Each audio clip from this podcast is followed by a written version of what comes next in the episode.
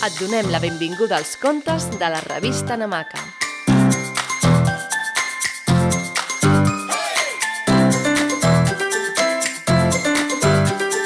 Avui t'explicarem el conte... Ai! Ui! Ei!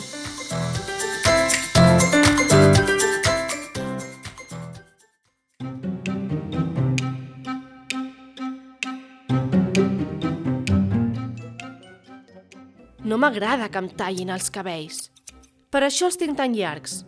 Molt llargs. Gairebé fins la cintura.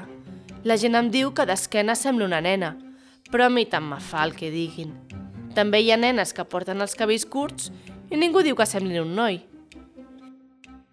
L'únic problema és que, a més de ser llargs, són una mica indomables i per pentinar-los és un martiri, perquè se m'enreden i es fan nusos. La meva mare es desespera. Ai! Ui! Ei! Li dic sempre que ella em pentina. Vigila, que em fas mal! Ella respon que no ho fa expressament i que si no em pentinés semblaria que porto un niu d'orenetes al cap. Així que torna a agafar el raspall i vinga. Ai, ui, ei! Jo crec que ho pot fer d'una altra manera, però no vol fer l'esforç. I jo m'enfado molt perquè ella em diu que el que hauria de fer és tallar-me els cabells. I això sí que no. Jo els cabells no me'ls tallo. Una vegada la vaig enxampar intentant tallar-me'ls mentre dormia. Només les puntes, em suplicava. Des de llavors, quan faig la migdiada, dormo amb un barret al cap. No me'n refio gens ni mica. Però encara és pitjor quan intenta arreglar-lo per la via pacífica, com ella en diu, perquè em posa unes putingues per suavitzar els cabells que fan olor de xiclet de maduixa i quan surto al carrer em venen totes les mosques al darrere.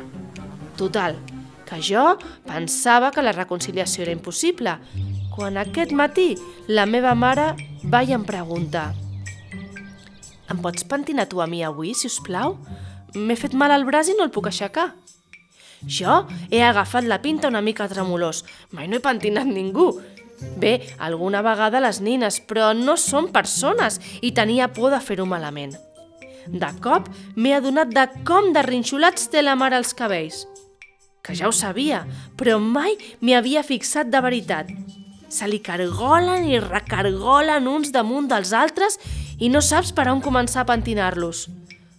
Tot i així, he començat a ficar la pinta al cap, però cada cop que intentava treure-la es quedava enredada amb els rínxols. Ai, ui, ei, vigila! Es queixava la mare. Jo intentava no fer-li mal, però era molt i molt difícil amb aquests cabells. Que no ho faig expressament! Llavors, ella s'ha girat cap a mi amb un somriure dolç i una mica triomfal, i he entès el que estava fent. Volia que jo em posés al seu lloc, i a mi, que no m'agrada perdre, m'ha tocat acceptar la derrota. He entès que ella no em vol fer mal quan em pentina i que jo, amb les meves acusacions, no faig més que fer-ho més difícil. Després, he deixat que em tallés una mica els cabells, però només les puntes. Així, jo he aconseguit tornar a fer la migdiada sense portar barret i la mare, la meva mare, diu que a partir d'ara els cabells me'ls pentini jo, que ja sóc gran. Un conte escrit per la Dora Cantero i publicat a la Namaca número 30. Descobreix més històries namaquianes a www.revistanamaca.com.